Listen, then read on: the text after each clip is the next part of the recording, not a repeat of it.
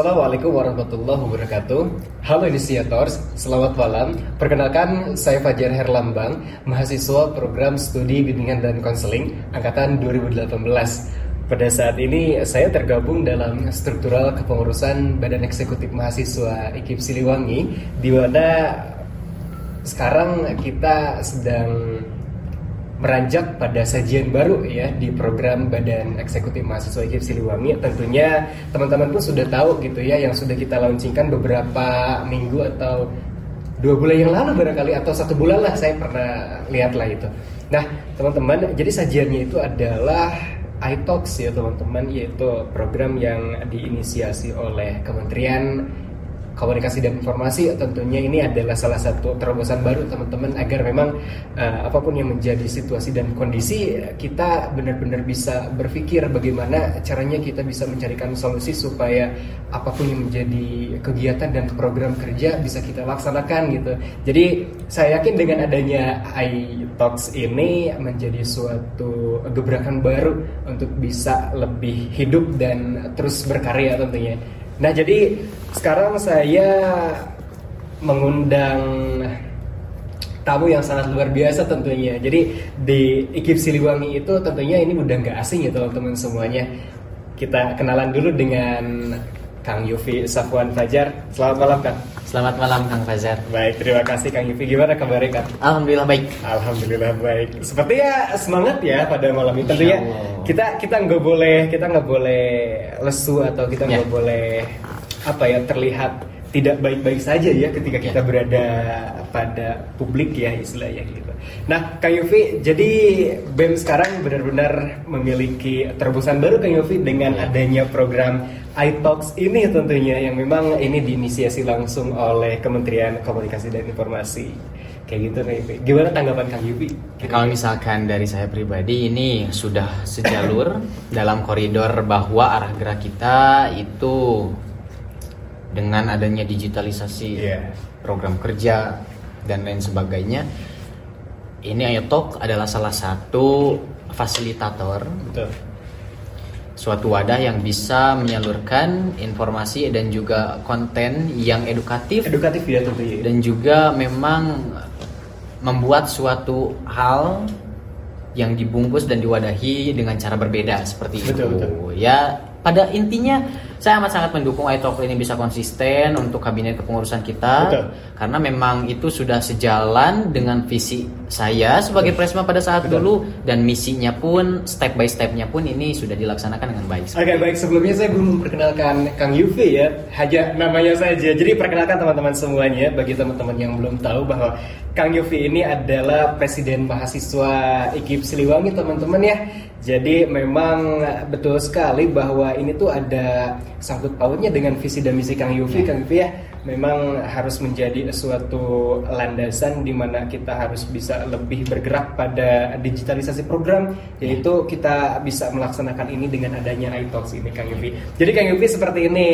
Uh, tema yang akan kita bahas ini mengenai Presiden Mahasiswa Undercover, Kang Yufi. Oke. Okay. Sebelum kita masuk pada pembahasan, tanggapan Kang Yufi seperti apa mengenai hal ini?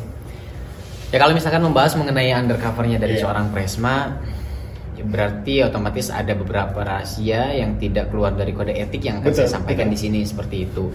Pun kalau misalkan dari awal atau sampai akhir memang dirasa apa yang saya utarakan itu membuat salah satu pihak tersinggung dan lain sebagainya saya mohon maaf dari sekarang yeah. ya Kang Pajar seperti itu jadi intinya saya ingin tidak ingin adanya suatu huru hara atas terjadinya ini yeah. itu sudut pandang sudut atas saja ya.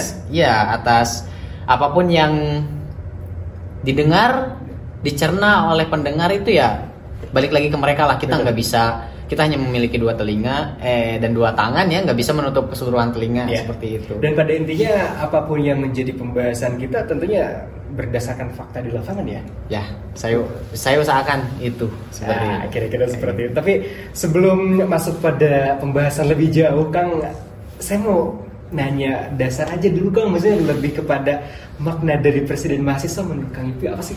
Kalau misalkan makna sebagai presiden mahasiswa itu terlalu untuk personali diri saya sendiri ya ya terlalu berat sih. Berat ya, ya maksudnya nggak sudut pandangnya gini. Kalau misalkan seorang memiliki peran yang memang dirasa itu bisa menjadi suatu jabatan yang strategis memiliki wewenang dan otoritas yang memang dalam suatu ranah tersebut terkhususnya badan eksekutif mahasiswa itu amat sangat dibutuhkan. Betul.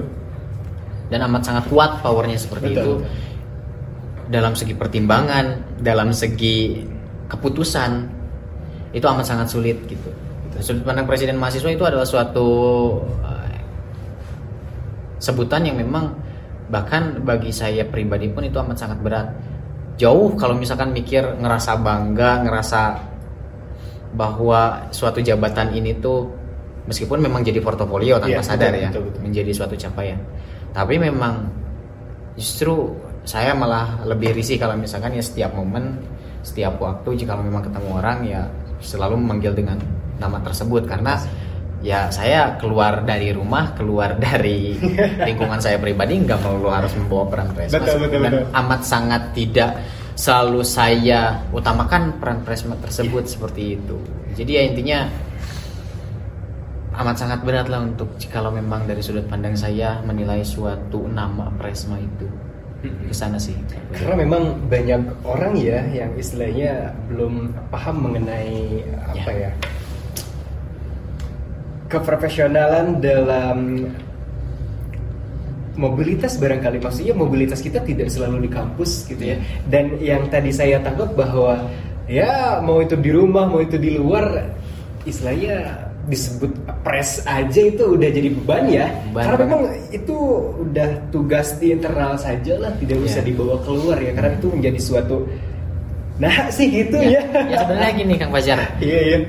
Kalau misalkan membahas mengenai hal tersebut sebenarnya ya sah-sah aja dan nggak jadi masalah gitu. Yeah. Cuman kalau misalnya saya keluar dengan peran yang lain hmm. selain presma, contohnya saya bergerak sebagai mahasiswa karena di luar jam kerja atau saya bergerak sebagai personal diri saya sendiri sebagai Yupisapuan Pajar seperti yeah. itu keluar rumah. Ada yang memanggil dengan nama tersebut ya terpikirkan lagi bahwa uh, orang tehnya presma. Terpikirkan lagi bahwa ada skala prioritas yang harus diutamakan, Betul. yang harus dikerjakan, yang harus ditanggapi bahkan yang harus dieksekusi seperti itu ya kak inget deh kak inget deh. Meskipun ya positifnya bisa menjadi bahan remindernya bahwa gening orang teh gitu.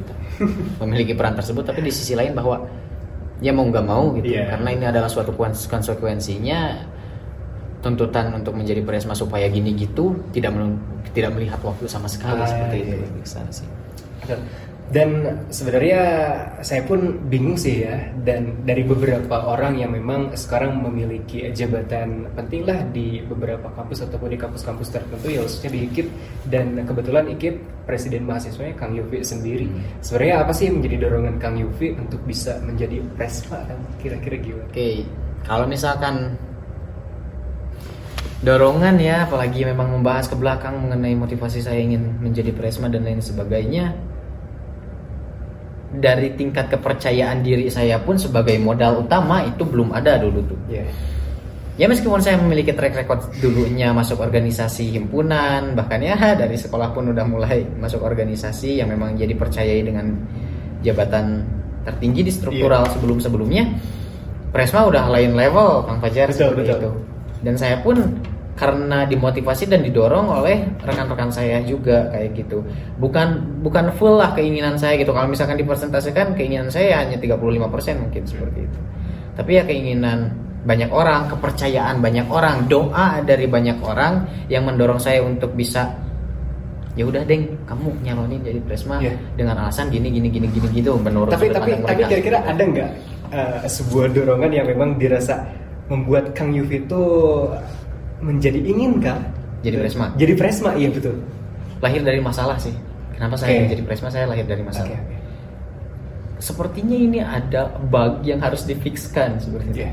ini ada suatu hal yang memang dirasa nggak gini deh arahnya gitu. ah, gitu. versi saya ya iya, iya. karena kalau misalkan dilihat untuk peran saja kita sebagai organisator kalau misalkan ingin digeneralkan tapi Iya penilaian saya tidak disamaratakan ya. Betul. Ya kalau mau yang ada yang ngerasa ya disilahkan. Kalau misalkan pun enggak ya nggak jadi masalah justru ya bagus lah kayak gitu.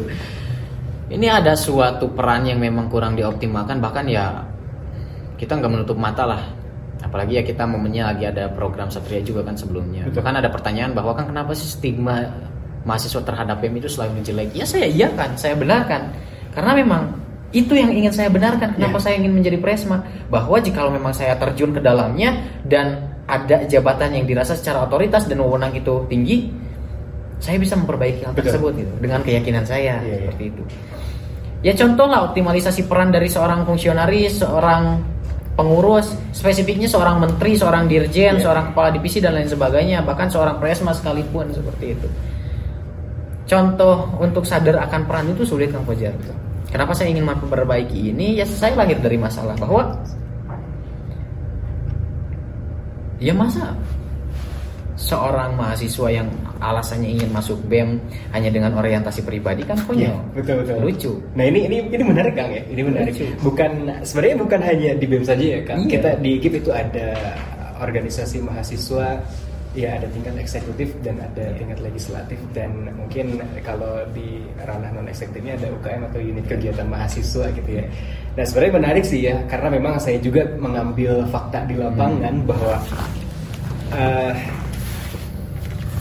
yang menjadi tujuan dari mahasiswa untuk masuk pada organisasi itu bukan pada pembenahan mengenai organisasi tapi ya. ada tujuan pribadi nih ya Kang yang nah, menjadi ya. suatu polemik yang memang ya ini harus kita benarkan ya.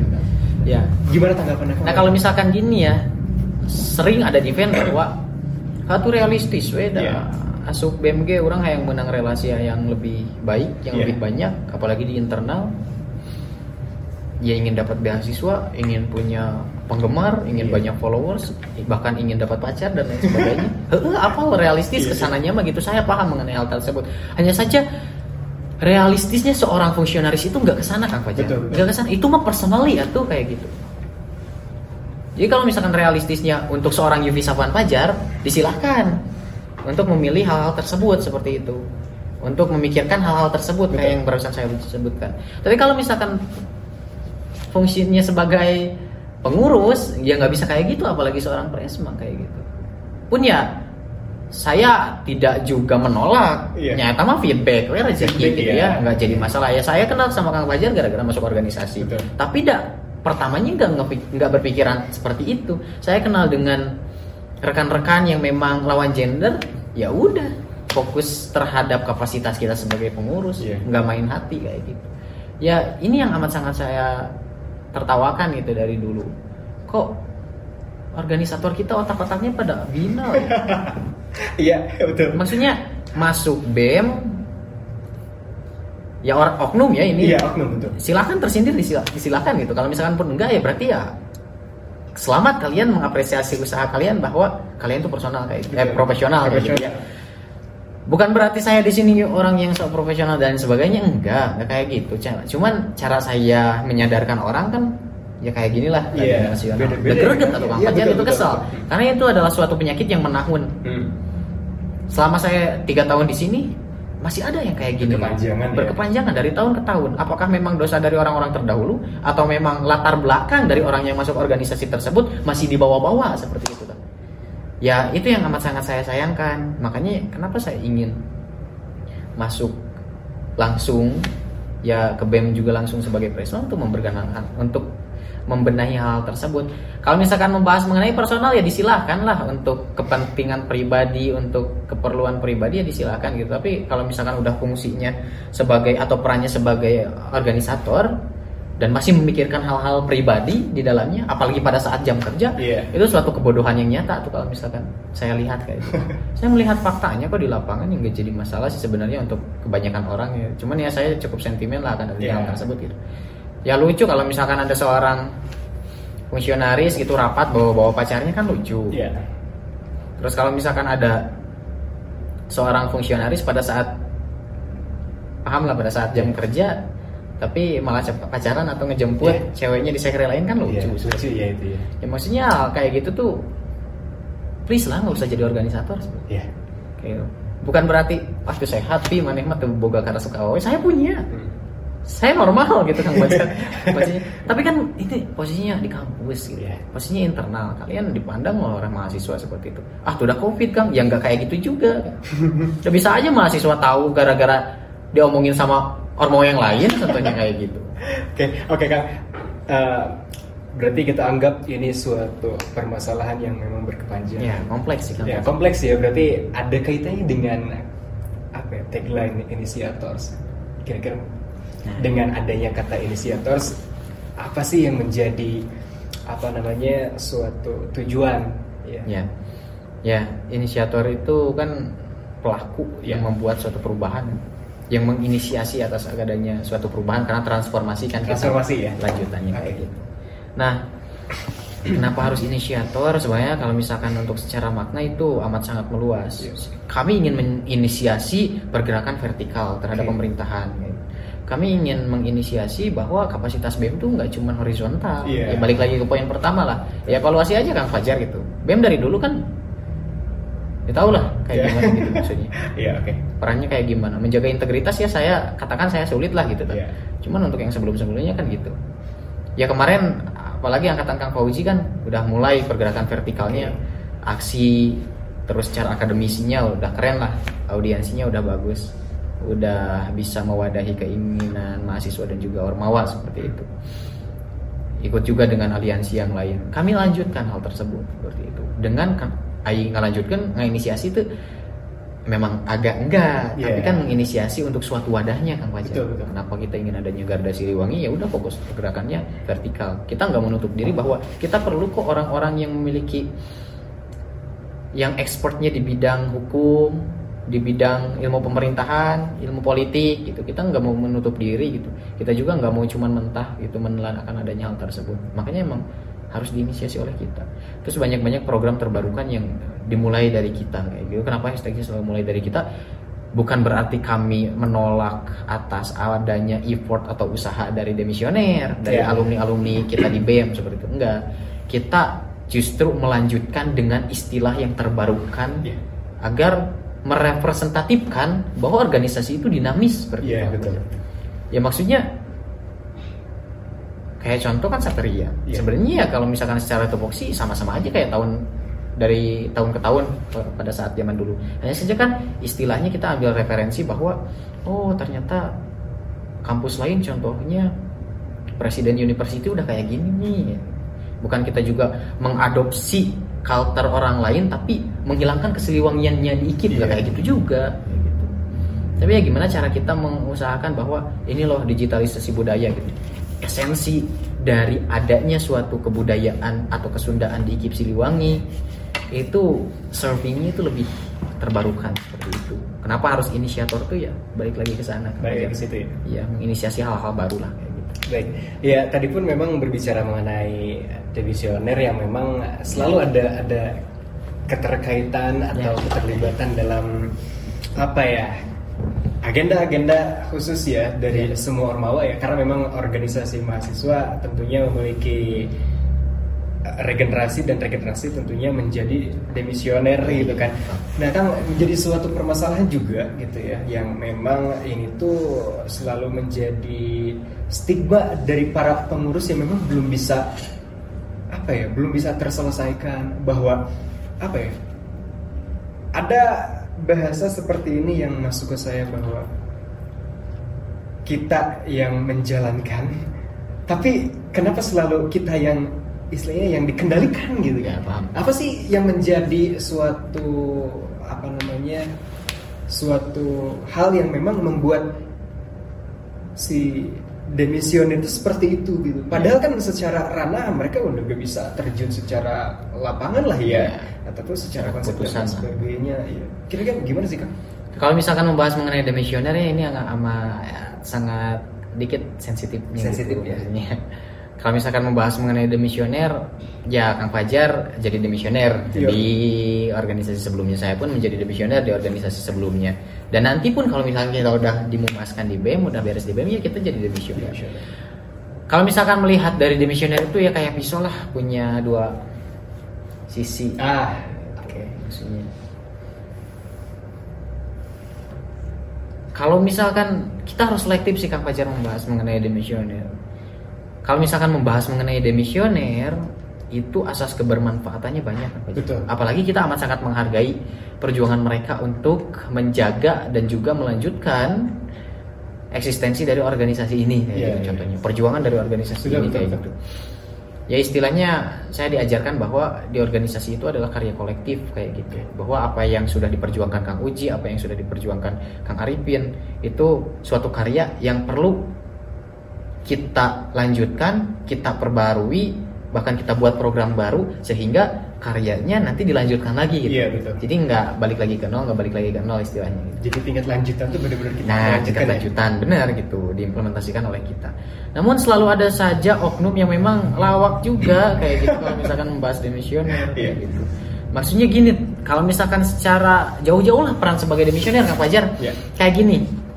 Kita sebagai umat manusia pun tuh jangan terlalu berharap gitu terhadap orang lain apalagi manusia juga kayak gitu ya.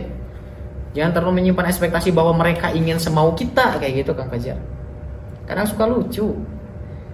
Contoh ngapain sih ngingu penyakit hati gitu kan yeah. maksudnya ya udah sejalannya aja kayak gitu. Maksudnya kita sama-sama nggak menciptakan gap kita sama-sama menebar kebermanfaatan satu sama lain ya udah gitu. kan demisioner itu banyak ya. Jadi kita harus selektif lah yang appropriate atau yang istilahnya tepat untuk kita gitu ya udah itu yang didatangi kayak gitu. Atau kayak gini lah saya pernah mendengar juga dari rekan kita.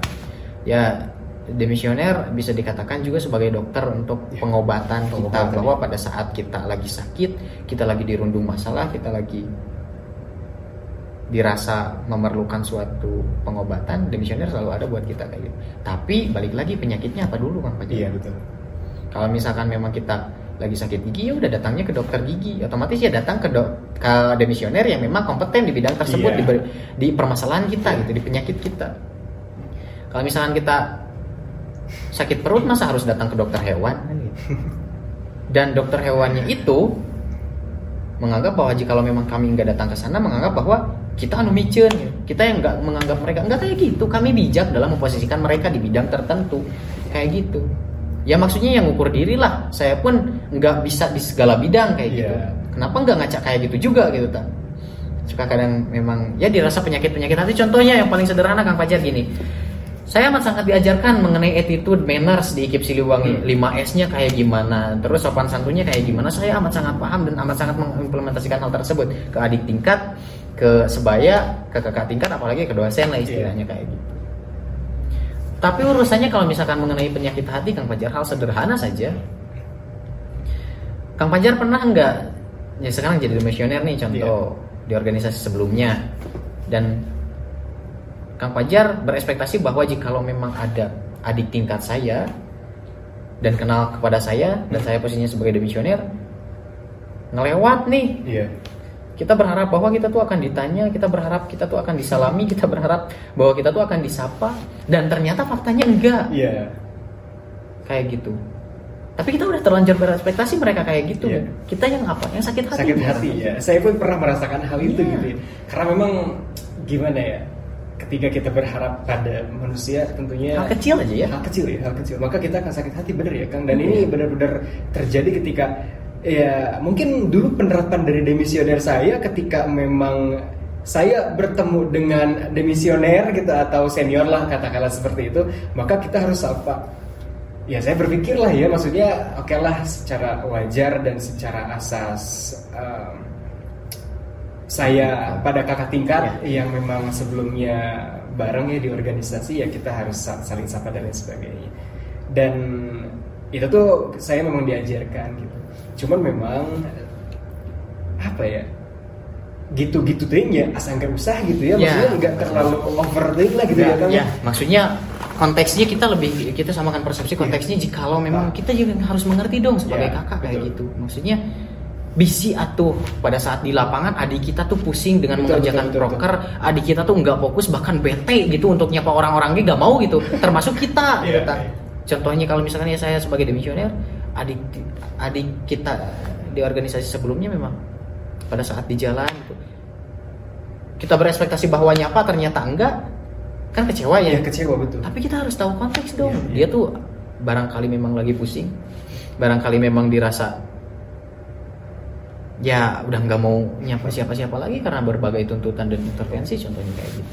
Makanya ya, ya saya implementasiannya Kang Pajar saya amat sangat nggak berespektasi bahwa akan disapa oleh siapa pun oleh, iya. atau Aisyah kirana orang bisa mana enggak saya orang salah iya, betul. maksudnya jangan sampai berbalik di kata hargailah tapi iya. mana teh gengsi gitu kan iya, betul, betul. ngapain gitu Ber, apa bersembunyi di balik kata kakak tingkat atau demisioner yang iya. memang gengsi untuk nyapa duluan duluan iya apa nyakit hati sih gak gitu diurus ya kan sebenarnya ini hal kecil ya kak ya tapi iya, memang maksudnya. secara lapangan ini benar-benar kompleks kan ya kompleksnya kan kompleks banget. bahkan sampai jika lo memang mengerjakan suatu program kerja ya ke sananya main hati main hati iya. Nah mau menghargai orang dan lain sebagainya ya ulah buatlah dirimu berharga ya, gitu. bahkan saya dulu ketika di organisasi sebelumnya sebelum di BEM gitu ya saya tidak pernah apa ya tidak pernah harus seperti itu gitu. Saya, saya punya prinsip di mana ketika waktunya saya sapa ya saya sapa kalau misalkan waktunya saya nggak mau nyapa, nggak mau nyapa yeah. gitu. Karena memang ya kita balik lagi pada konteks ya kan. Kondisional. Kondisional gitu, saja gitu. Dan saya setuju banget gitu ya kan ketika akan tadi bilang bahwa ya kita juga harus lihat situasi dan kondisi orang itu kenapa dia nggak nyapa. Sebenarnya hal kecil ya. Yeah. Cuman sapaan dong jadi permasalahan yang besar ya. Yeah. Karena memang ya saya pun pernah saya ditegur kenapa kamu gak nyapa dan sebagainya. Halah. Kali kumaha. Iya. ya, ya saya selalu bilang di dalam hati ya maksudnya kan kondisional suka kadang kondisional, lucu. ya. kecil kayak gitu. Justru saya selalu mentertawakan pada orang-orang yang memang gila. Ya, ya gila hormat. Gila hormat lah. Saya yang paling gak suka. Paling, ya. paling mengutuk dan selalu teman-teman ketika kalian seangkatan saya ya dulu kalau misalkan kalian sudah jadi demisioner kalian jangan pernah gila hormat. Jangan saya, kayak gitu. saya paling mengutuk pada orang-orang yang kayak gitu. Justru makin murah usaha ya, kita ya, pada saat betul, di organisasi dengan mem memikirkan bahwa setelah kami demisioner kami akan dihargai dengan cara-cara seperti itu kan kan? Usaha kita malah makin terkikis atau kesannya Kang Fajar paham nggak? gitu, ngapain gitu dihargai dengan usaha kita yang udah gede di organisasi? Pada saat ya sudah jadi demisioner kita diharapkan dengan bayaran yang hanya seperti itu ngapain gitu? Hanya ingin disalami terus kita enggak akhirnya sakit hati enggak ditanya nggak kontekan dan pada akhirnya kita sakit hati ngapain nyimpen ekspektasi kepada orang lain kayak gitu ya orang-orang sering juga beranggapan bahwa nah si, si Yopi sombong dan lain sebagainya nah bet mau nyapa padahal di jauh kena ningali orang rabun bro gitu ta. Yeah. maksudnya teh cing paham gitu ta. Ya. tapi kan ya orang nggak mau memahami akan adanya hal tersebut kaburu suudon tinggal mata kan dari awal kita ngomong bahwa cing baru dak ulah suudon kabatur mah geus lah gitu yeah. gak perlu ngurus penyakit hati itu udah cukup gak perlu gak perlu berespektasi akan mendapatkan feedback yang sesuai yeah. apa yang kita inginkan gitu yeah. dan dunia bukan milik kamu sendiri atau gitu tak kayak gitu yeah. jadi ya udah gitu hidup mah ya udah prinsipnya bahwa jangan berespektasi dan bergantung kepada orang lain dengan tuntutan versi kita sendiri kayak gitu. nggak bisa kayak gitu dunia mah ya mungkin barangkali teman-teman ya inisiator semuanya Ya, kenapa kita membahas hal ini karena memang sesuai dengan fakta di lapangan. Ya, ini oknum ya. oknum ya kita enggak menyebutkan siapa, siapa pun di sini gitu karena memang saya pun ingin yeah. memberikan pengertian pada teman-teman yang merasa bahwa teman-teman mengalami situasi yang seperti itu gitu. Nah, maka kita jelaskan nih ya sedikit demi sedikitnya mudah-mudahan teman-teman bisa paham dengan situasi dan keadaan dan bagaimana teman-teman bisa mengantisipasi itu teman-teman. Yeah. Seperti itu ya Kang Ivi ya. Yeah. Ya mungkin ya hal itu bisa kita apa bisa kita lanjut lagi? Mungkin ada hal-hal yang memang perlu kita yeah. bahas lagi selain hal yeah. itu Kang Yofi. Yeah, menarik sih. menarik ya. Nah mungkin Kang ya berbicara balik lagi pada Presma ya konteks presiden mahasiswa. Yang berbicara tentang resiko. Berbicara tentang resiko. Menurut Kang Yufi resiko terburuk yang pernah Kang Yufi alami itu kira-kira bagaimana? Yang perang terbaru lah diancam DO Oh iya. Lalu ingin dibawa ke pihak eh aku lupa yang masih yang pas audiensi. Ah iya, oke okay, oke okay, aku tahu. Siap siap siap. Diancam akan di DO terus dibawa ke pihak yang oh, iya, wajib. Iya, audiensi pertama itu ya. Maksudnya kan okay, lucu okay. kayak gini ya. Kalau misalkan kita membahas mengenai backgroundnya, ya resiko kan contohnya. Iya betul betul. Resiko apa gitu? Lah kita tahulah hmm. BEM frontman ya. Frontman betul. Orang yang ada di depan gitu. Mau nggak mau ya harus menginisiasi sesuatu. Iya. Yeah ya pun mau nggak mau kita harus menjadi tombak gitu. Di luar itu apakah kita berusaha untuk menjaga integritas dan sesuai dengan kepentingan umat gitu. Tapi selalu ada ya aja yang menumpang dengan kepentingan pribadi kita amat sangat selektif akan adanya hal tersebut. Yeah. paham lah masalahnya ke mana kayak gitu. Ya contohnya yang kemarin. Ya maksudnya ini ada ya sedikit permasalahan yang memang dirasa istilahnya ya sudut pandang dari mahasiswa atau ormawa gitu merasa bahwa ada beberapa aspek yang dirasa itu adalah hak kita tidak terpenuhi oleh iya. pimpinan yeah. gitu ya pimpinannya yang nggak tahu lembaga atau yayasan lah kita nggak tahu yeah. kan kayak gitu ya kita nggak tahu lah aspeknya kayak gimana cuman finally pada akhirnya ada istilah ancaman seperti itu hmm. dan ya lucu tuh kalau misalkan ingin buka-bukaan gini ya Kang Fajar nggak mendasar dong kalau misalkan ingin mengancam Dewa ya nggak jadi masalah saya pribadi nggak jadi masalah yeah. justru saya nggak kasihan sama diri saya yeah. pribadi saya lebih kasihan kepada orang tua saya contohnya yang membiayai saya se sampai sampai pada saat ini ya? kayak gitu sampai sekarang kalau misalkan saya mah ya udah nggak apa-apa lah nggak jadi masalah nggak jadi masalah kayak gitu toh kita misalkan kalau jadi pun bukan karena ulah kita yang memang secara individu melakukan sesuatu yang memang tanpa dasar ya. Yeah. Tentunya kita melakukan hal yang memang berujung deh, oh ya dasarnya apa dulu gitu ya. Ya, nggak ada dasar, Kang Fajar. Kalau misalkan memang gara-gara propaganda, kode etik mana yang saya yeah. langgar? Lalu juga tiga kali Kang Fajar audiensi, saya amat sangat menjaga bahwa ngerasain kan cinta dan benci bersamaan gitu kan maksudnya orang teh bogoh cuman kesal gitu kan yeah. Jadi si outputnya tuh udah ingin ngago goreng udah masihnya ah gitu tak ke kampus orangan da deknya ah da emang goreng gitu istilahnya dalam beberapa aspek kayak gitu. Makanya ya pada saat kasus kemarin pun sama kayak gitu. Ya kami amat sangat nggak radikal nggak anarkis tuh yeah. caranya gitu. Maksudnya ya kita duduk melingkar gitu obrolin masalahnya apa.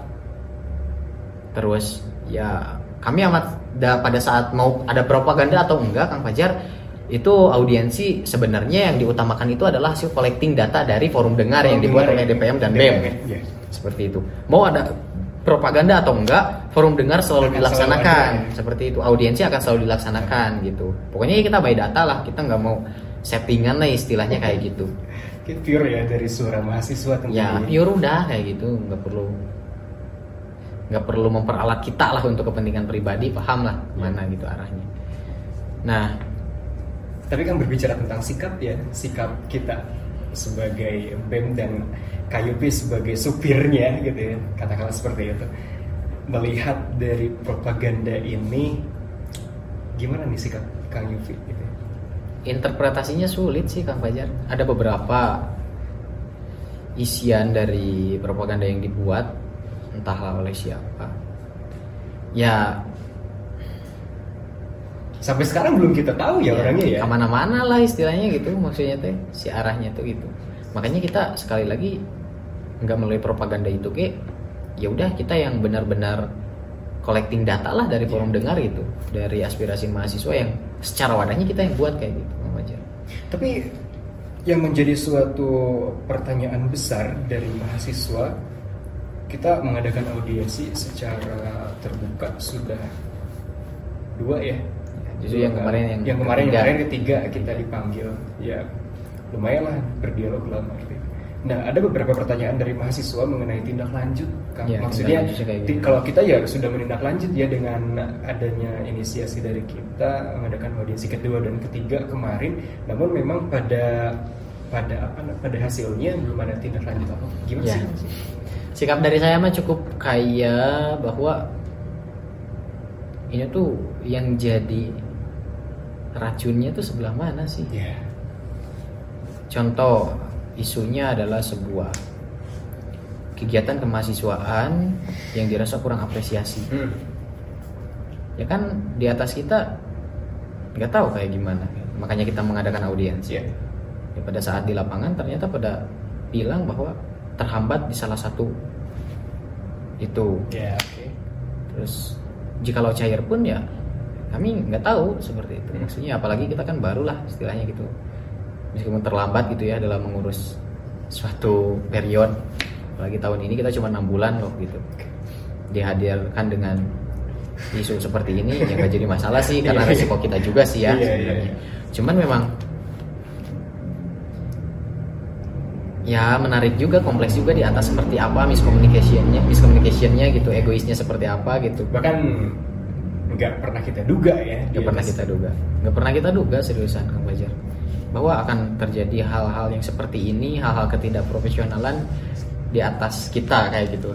Dikira yang kekanak-kanakan kita doang kayak gitu, ternyata memang di luar di atas juga kan sama. Ya toh pemerintahan pusat pun sama kan kampus miniatur negara ya. Iya. Kayak gitu. Ternyata pemerintahan pusatnya juga sama kok. Kalau misalkan buat suatu kebijakan konyol ya udah konyol gitu kan. Bahkan konyolnya melebihi melebihi dari pelawak kayak Sule kayak yang lainnya gitu kan. Pemerintahan pusat Indonesia sama, kampus iya. pun sama kok gitu. Saya nggak menutup mata kayak gitu. Ya ada beberapa kebijakan yang memang lucu kayak hmm. gitu bilang contoh bahwa ya undur diundurnya kegiatan akademik karena ada kebijakan A B C D. Sebenarnya pada saat kita negosiasi dengan yeah. program kerja kita kan dia nggak mau negosiasi, nggak mau, nggak mau, nggak mau diundur ya, nggak mau diundur. Ayo kamari gerak diundur, alasannya bla bla bla bla. Iya. Sekarang saya nuntut untuk diundur karena skala prioritas kita urgent, nggak mau kayak itu kan lucu ya maksudnya. Terus Padahal ya alasannya sama-sama kuat lah, sama-sama urgent kuat, gitu ya. maksudnya ya kalau misalkan ditarik secara kesimpulan mah kami berupaya bahwa tidak ada orang-orang yang ingin menunggangi kepentingan umat kayak yeah. gitu Kang Fajar. Makanya ya kalau misalkan ada orang yang kita datangi, petinggi kita yang kita datangi, ya kita tidak ingin mencacar satu satu orang tersebut kayak gitu. Ya semuanya lah kayak gitu harus, harus dapat. Ya. ya semuanya lah harus ngejawab gitu ngejawab ya maksudnya ya kemarin ya lucu lah ya kalau misalkan sampai saya di DO ya akademik saya aman kan Fajar. Nggak pernah bermasalah dengan dosen. Nilai bagus kok gitu. Yeah. organisator ngapain aja sih saya? gitu kemarin kemarin atau saya menjalankan fine fine aja gitu baik baik aja. Nggak nggak sampai rusuh nggak sampai sporadis gitu tau. Kadituk hadiah tuh para rugu kayak gitu si arahnya tuh. Enggak kok gitu. Saya amat sangat menjalankan norma tersebut. Tapi kan kalau misalnya secara personal ya kata sabar itu memang tidak ada batasnya yeah. tapi untuk tolak ukur organisasi mah orang kayak sabar ayah batasnya kang Fajar yeah. hal sabar ya contohnya kalau misalkan kegiatan kemahasiswaan atau kegiatan ormawa nggak dapat apresiasi sama sekali apalagi dalam operasional secara teknis ya kita bisa lah sabar satu dua tiga kali mah yeah tapi kalau misalkan yang proyeknya udah udah mega proyek ya dan kami nggak bisa ngehandle hal tersebut dengan gara-gara operasional. Ya ngapain kami sabar mulu tuh kayak udah atau itu hak kami. Yeah. bahkan di pengalokasian pembayaran pun itu ada kayak gitu. Yeah. kalau mau buka-buka ya enggak kayak gitu kan. Atau kita cuma minta hak kami doang udah kayak gitu. Kewajiban atau kumaha? Ya udah kita bayar gitu kan maksudnya. Telat toh tetap didenda dan kita juga bayar kok dendanya kayak gitu. Mau dialokasikan ke mana-mana ya terserah gimana kalian lah ya tamu gitu urusan kalian cuman hak kami mana? Hmm. itu doang sih sebenarnya emang nggak jadi. Jangan diambil ribet lah kayak gitu. Lebih ke sana sih ya. Ambil simpel aja. Maksudnya paling ya secara kesimpulan ya berkaitan dengan keseluruhan ya tentunya kita menaungi organisasi mahasiswa di IKIP lah ya tentunya. Ya, berkaitan juga dengan suatu permasalahan yang kompleks yang saat ini pun memang masih belum ada kejelasan ya secara apa secara tindak lanjut dan lain sebagainya. Kira-kira apa sih yang mau Kang Yofi sampaikan kepada teman-teman mahasiswa ya mengenai apa ya suatu permasalahan ini? Dan supaya mahasiswa pun tidak apa ya pertanyaan-pertanyaan konyol lah gitu ya. Maksudnya ya mereka nggak tahu lah isi ah, bukan isi ya mereka nggak tahu lah di dalamnya seperti apa dan kejadian yang sebenarnya seperti apa ya mungkin Kang bisa sampaikan pada ya, teman-teman sih bisa saya sampaikan waktu kemarin ya prosesnya ya contoh pada saat audiensi pun sebenarnya berita acara bahkan hasil diskusi kita sudah ditulis yeah. bahkan ya sudah dilampirkan dan ditandatangani oleh pihak perwakilan hmm. dari setiap prodinya kan kita punya tujuh prodi yeah. ya audiensinya sama tujuh orang itu juga kayak gitu dan ditandatangani dari pihak mahasiswa dan juga ormawa gitu tinggal dari pihak itunya tuh belum ada respon padahal ya kami mau upload gitu buat yeah. para mahasiswa jika kalau memang mempertanyakan sikap lanjutannya seperti apa dan kita nggak bisa ngasihin ke kalian karena slow respon di atasnya yeah. tuh iya. mau gimana nah ini gitu. teman-teman jawaban ya yang apa teman-teman tanyakan kepada ya saya pun mendapatkan pertanyaan itu gitu yeah. teman-teman semuanya ya dokumentasi kita punya yeah. gitu tinggal suratnya aja udah tanda tangan cap gitu cap, kan ya. sebagai bukti bahwa kalian sepakat kan gitu. Yeah dan menjadi suatu jejak digital kalau kami upload kalau misalkan enggak sama sekali tidak ada progres dalam adanya hal tersebut ya malu lah gitu dilihat sama mahasiswa gitu. Udah cukup aja gitu aja kalau misalkan mau nanya perihal kemarin itu akhirnya ke mana gitu kan kitanya udah bergerak tinggal atasnya aja slow respon terus juga nggak mau menanggapi lebih cepat lah istilahnya gitu. Nggak mau membuat suatu keputusan yang dia rasa memang membutuhkan suatu percepatan kayak gitu. Enggak nggak ada. Ya mau mau istilahnya atuh dah contoh dari yayasannya slow respon atau administrasi di atasnya ribet dan lain sebagainya urusan mereka itu gitu. Ngapain kerja ngapain mau kerja di sana tuh ngapain mau kerja di atas? Kalau nggak mau ribet mah ya udah nggak usah kerja berhenti aja kayak gitu ya contohnya saya lah kalau misalkan nggak mau dikritik nggak mau dikasih saran nggak mau diledekin bahkan kasarnya baper gitu ya anti kritik gitu sebagai presma ngapain jadi presma tuh dulu gitu mata zaman nggak ledek ngomongin di tukang bahkan saklek di depan saya pun yeah. pek baik gitu, gitu. Dan saya sangat sangat udah nggak goreng hati lah kabatuan mah pek yeah. baik. Ambil hikmah nah udah kayak gitu.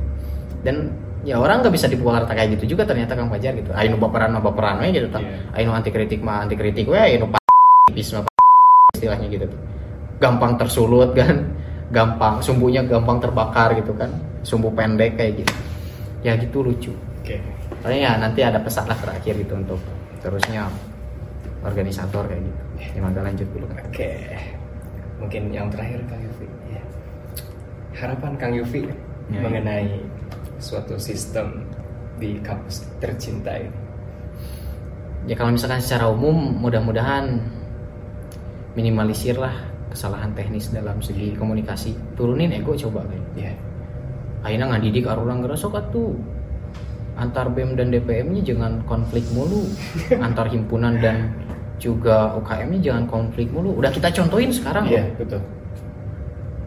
Ya tinggal atasnya lah, jangan konflik mulu. Jangan mentingkan ego, jabatan, yeah. uang, perut sendiri, siapa sendiri. Kayak gitu kan lucu. Gitu. Ya orang mau misalkan miskomunikasi dan lain konflik sebagainya, atau udah menu merek contoh nabi siga gitu gitu tak. Udah sama aja kok silih ngomongkan dan lain sebagainya. Hmm. Ya kalau misalkan saya kenapa berani sekarang ngomong kayak gini, bisa aja mereka juga ngomongin kita kan kayak gitu ya udah jadi masalah lebih gitu. keras ya mungkin ya ya faktanya kayak gitu. Faktanya kayak gitu ya. ya karena memang punya jabatan atau kayak gitu mau gimana lagi kita mah? Kayak gitu. Ya istilahnya pesan dari saya mah gini apalagi untuk organisator ya, ya. untuk pengurus juga saja ya untuk mahasiswa secara umumnya. Jangan jadi orang pengecut lah udah gitu. Aja. Misalkan memang dirasa untuk sudut pandang kalian yang menjalankan suatu sistem suatu aturan tertulis dan dirasa pada saat implementasinya ada beberapa oknum ya. Dari awal saya membicarakan oknum loh nggak memukul rata gitu ya. Ada beberapa oknum yang dirasa melanggar hal tersebut ngomong aja nggak menjadi masalah. Ingetin aja gitu maksudnya. Jangan sampai berbalik dikata bahwa melakukan hal yang sama itu adalah suatu kan udah belajar nggak bisa kayak gitu atau kan belajar justru dia statis gitu nggak mau yeah. berkembang. Ayo nggak lakukan hal lain gitu. Eh ayo nggak lakukan kesalahan yang sama kayak gitu. Carilah kesalahan yang lain kayak gitu biar kalian juga berkembang istilahnya. Ya organisator di kita tuh cuman ya oknum pada pengecut sebenarnya kayak gitu. Ya. maksudnya nggak punya keberanian untuk mengingatkan suatu kebenaran ketepatan kayak gitu arti. Nah, hal-hal buruk mah ya jangan sampai terlalu banyak dimaklumi kayak gitu. Sana sih? Ya, ya sih yang lebih apa ya yang menjadi masalahnya itu ya memang mereka tuh masih belum bisa apa ya bergerak secara independen sih ya. karena dasarnya gitu. nge-manage itu aja sih tips memang nge-manage hati sama otak gitu. di mana pada saat peran kita menggunakan otak tuh di mana waktunya menggunakan hati itu di mana kalau misalkan ya urusan organisasi kan harus balance ya dua-duanya kayak gitu. jangan sampai terus main hati ke sananya ya baper dan lain sebagainya. Tapi main otak teing ya saya juga kadang ada di ranah seperti itu nggak bantu gue tengah bikin batur kayak gitu. Hmm. itu nggak boleh. Dan saya kayak sama belajar sih kan belajar kayak gitu. Istilahnya jangan sampai kayak gitu lah harapannya ke depannya gitu. Jangan sampai nanti kayak ah tuh kang nyari karena oke tegenah euy ah tuh kang. Orang apa sih? Tapi salah. Cuman orang tuh tuani euy atau orang main HP euy jangan jadi pecundang lah gitu kalau misalkan kalian sadar bahwa mereka harus diingatkan ingatkan aja udah gitu. itu doang sih simple lah gitu maksudnya dengan cara yang baik lah jika memang ya saya akui bahwa cara saya memang dirasa kurang tepat untuk kebanyakan orang gitu. saya juga belajar gitu untuk secara bijak ini ngingetin ini tuh harus kayak gini treatmentnya ya harus kayak gitu. Udah gitu. Maksudnya udah jangan jadi pecundang aja gitu kalau misalkan ikut organisasi atau perannya sebagai mahasiswa. Atau ngabun ngelon lah gitu maksudnya. Jangan bilang yang ngejelekin Kang Fajar di belakang yeah. tapi pas ketemu Kang Fajar baik-baik aja gitu maksudnya. So baik dan lain sebagainya. Yeah. munafik lah kayak gitu. Lucu sih sok ngomong yeah. gitu tapi menarik sih ya di podcast pertama ini pembahasan cukup keren sih bagi saya biasanya kan kalau ya untuk pertemuan pertama ya ngobrol dasar ya tapi ya kalau misalkan pertanyaannya mengenai Kang Yubi menteri itu siapa aja kementerian ada berapa saya nggak akan datang ke sini lah saya nggak mau ngisi sekarang lah gitu. ngapain ngomong kayak gitu lihat aja IGBM kayak gitu. iya itu udah bisa menjawab ya. udah bisa menjawab ngapain gitu ngebahas hal kayak gitu toh saya di sini narasumber disuruh membukakan fakta dan rahasia di bawah dan apa yang saya rasakan tuh seperti ini gitu. Hmm. bukan saya kalah demo organisasi atau gitu maksudnya jika demo masa gitu saya kurang kenalkan itu iya itu iya yeah. ah mahasiswa juga ya bisa udah pinter lah untuk nyari informasi cuman segitu mah kayak gitu ya itu sih Kang Yufi memang pembahasan sangat luar biasa lah malam ini ya ya, ya Ya mudah-mudahan ini menjadi suatu pemahaman sih buat kita semua sebagai mahasiswa mengenai sistem DIKIP dan sistem organisasi dan kita pun tadi sedikit membahas mengenai dinamika, mengenai pengurus dan demisioner dan lain sebagainya. Ya harapan saya teman-teman bisa mengambil sisi positif ya. ya sisi positifnya aja ya yang diambil ya, gitu jangan jangan sampai. jangan sampai teman-teman mendapatkan sisi negatif tapi yang teman-teman boomingkan yang negatif ya, ya gitu. Intinya mah gini Bukan, aja Kang Fajar jangan ditelan mentah-mentah lah. Ya, Esensinya ya. kalau misalkan Kang ayah arah teh mana teh ngomongnya ke mana pada saat di podcast ya udah datangin aja iya. tinggal ngomong kok tinggal nggak jadi masalah kayak gitu kalau misalkan ya memang ada oknum yang tersindir evaluasi diri lah orang saya ngomongin fakta kok kayak iya. gitu lebih ke sana sih ya mudah-mudahan. Maksudnya tapi ini untuk iTalks dan juga untuk IGBM ya. Saya kalau misalkan memang dirasa malah banyak dislike-nya gitu saya nggak bertanggung jawab ya. Suruh saya gitu kan kalau misalkan narasumbernya mau saya gitu. Ya kalau misalkan ke depannya kita lihat lah gitu. Tapi biasanya kan bi ini menarik ya biasanya ketika kita berbicara tentang kebenaran ya pasti ya oknum-oknum ya dislike. Ya ada pasti ngerasa terbakar atau yeah. kayak gitu justru orang jujur di negara kita mah kayak setetes air bersih di kubangan lumpur tuh gak? Yeah. Mau bersih sendiri tapi ratusannya pada kotor mah kita dianggap salah bersih sendiri yeah. loh karena emang ya kejamnya voting gitu kan kejamnya ya pemilihan tuh seperti itu kayak gitu Cukup barangkali Kang Yufi. Cukup lah, ya, cukup ya. Takut makin darah tinggi saya kan masalah lain. Iya, yang saya khawatirkan malah makin meluas ya pembahasan ya, kita kompleks ini. sih, amat sangat kompleks. Kalau misalkan mau ngobrol mau mending ngobrol langsung, langsung, langsung ya, ngobrol langsung gitu. Ya mungkin dengan adanya pertemuan pertama yang membahas mengenai hal ini ya sebenarnya berangkat dari keresahan yang memang harus kita inisiasi lah yeah. supaya menjadi suatu pemahaman. Ya barangkali itu teman-teman semuanya untuk pertemuan pertama dan tentunya masih ada hari-hari atau pertemuan-pertemuan selanjutnya kok. Tenang aja masih ada yeah. beberapa informasi yang perlu kami sampaikan. Tentunya tunggu saja ya pada program-program Badan Eksekutif Mahasiswa dan uh, tentunya bakal lebih seru lagi tentunya di iTalks BEM Ekip Siliwangi. Oke, baik teman-teman semuanya terima kasih atas uh, apa ya atensi dari teman-teman yang sudah mau menonton iTalks ini dan saya ucapkan juga terima kasih kepada Kang Yuki sudah menjadi narasumber ya terima kasih juga karena memang eh, dimulai dari supirnya dulu nih harus kita apa namanya wawancara. Ya, kalau misalkan supirnya udah nggak mau jujur, penumpangnya juga bakal ikut bohong setuju, lah. Setuju, saya setuju, setuju. Kita lihat aja ke depannya gimana. Oke, terima kasih teman-teman semuanya. Oke, ditutup dengan apa ya? Saya akan kenalkan jargon ke teman-teman, gitu ya. Inisiator Talks ngobrol bareng kita.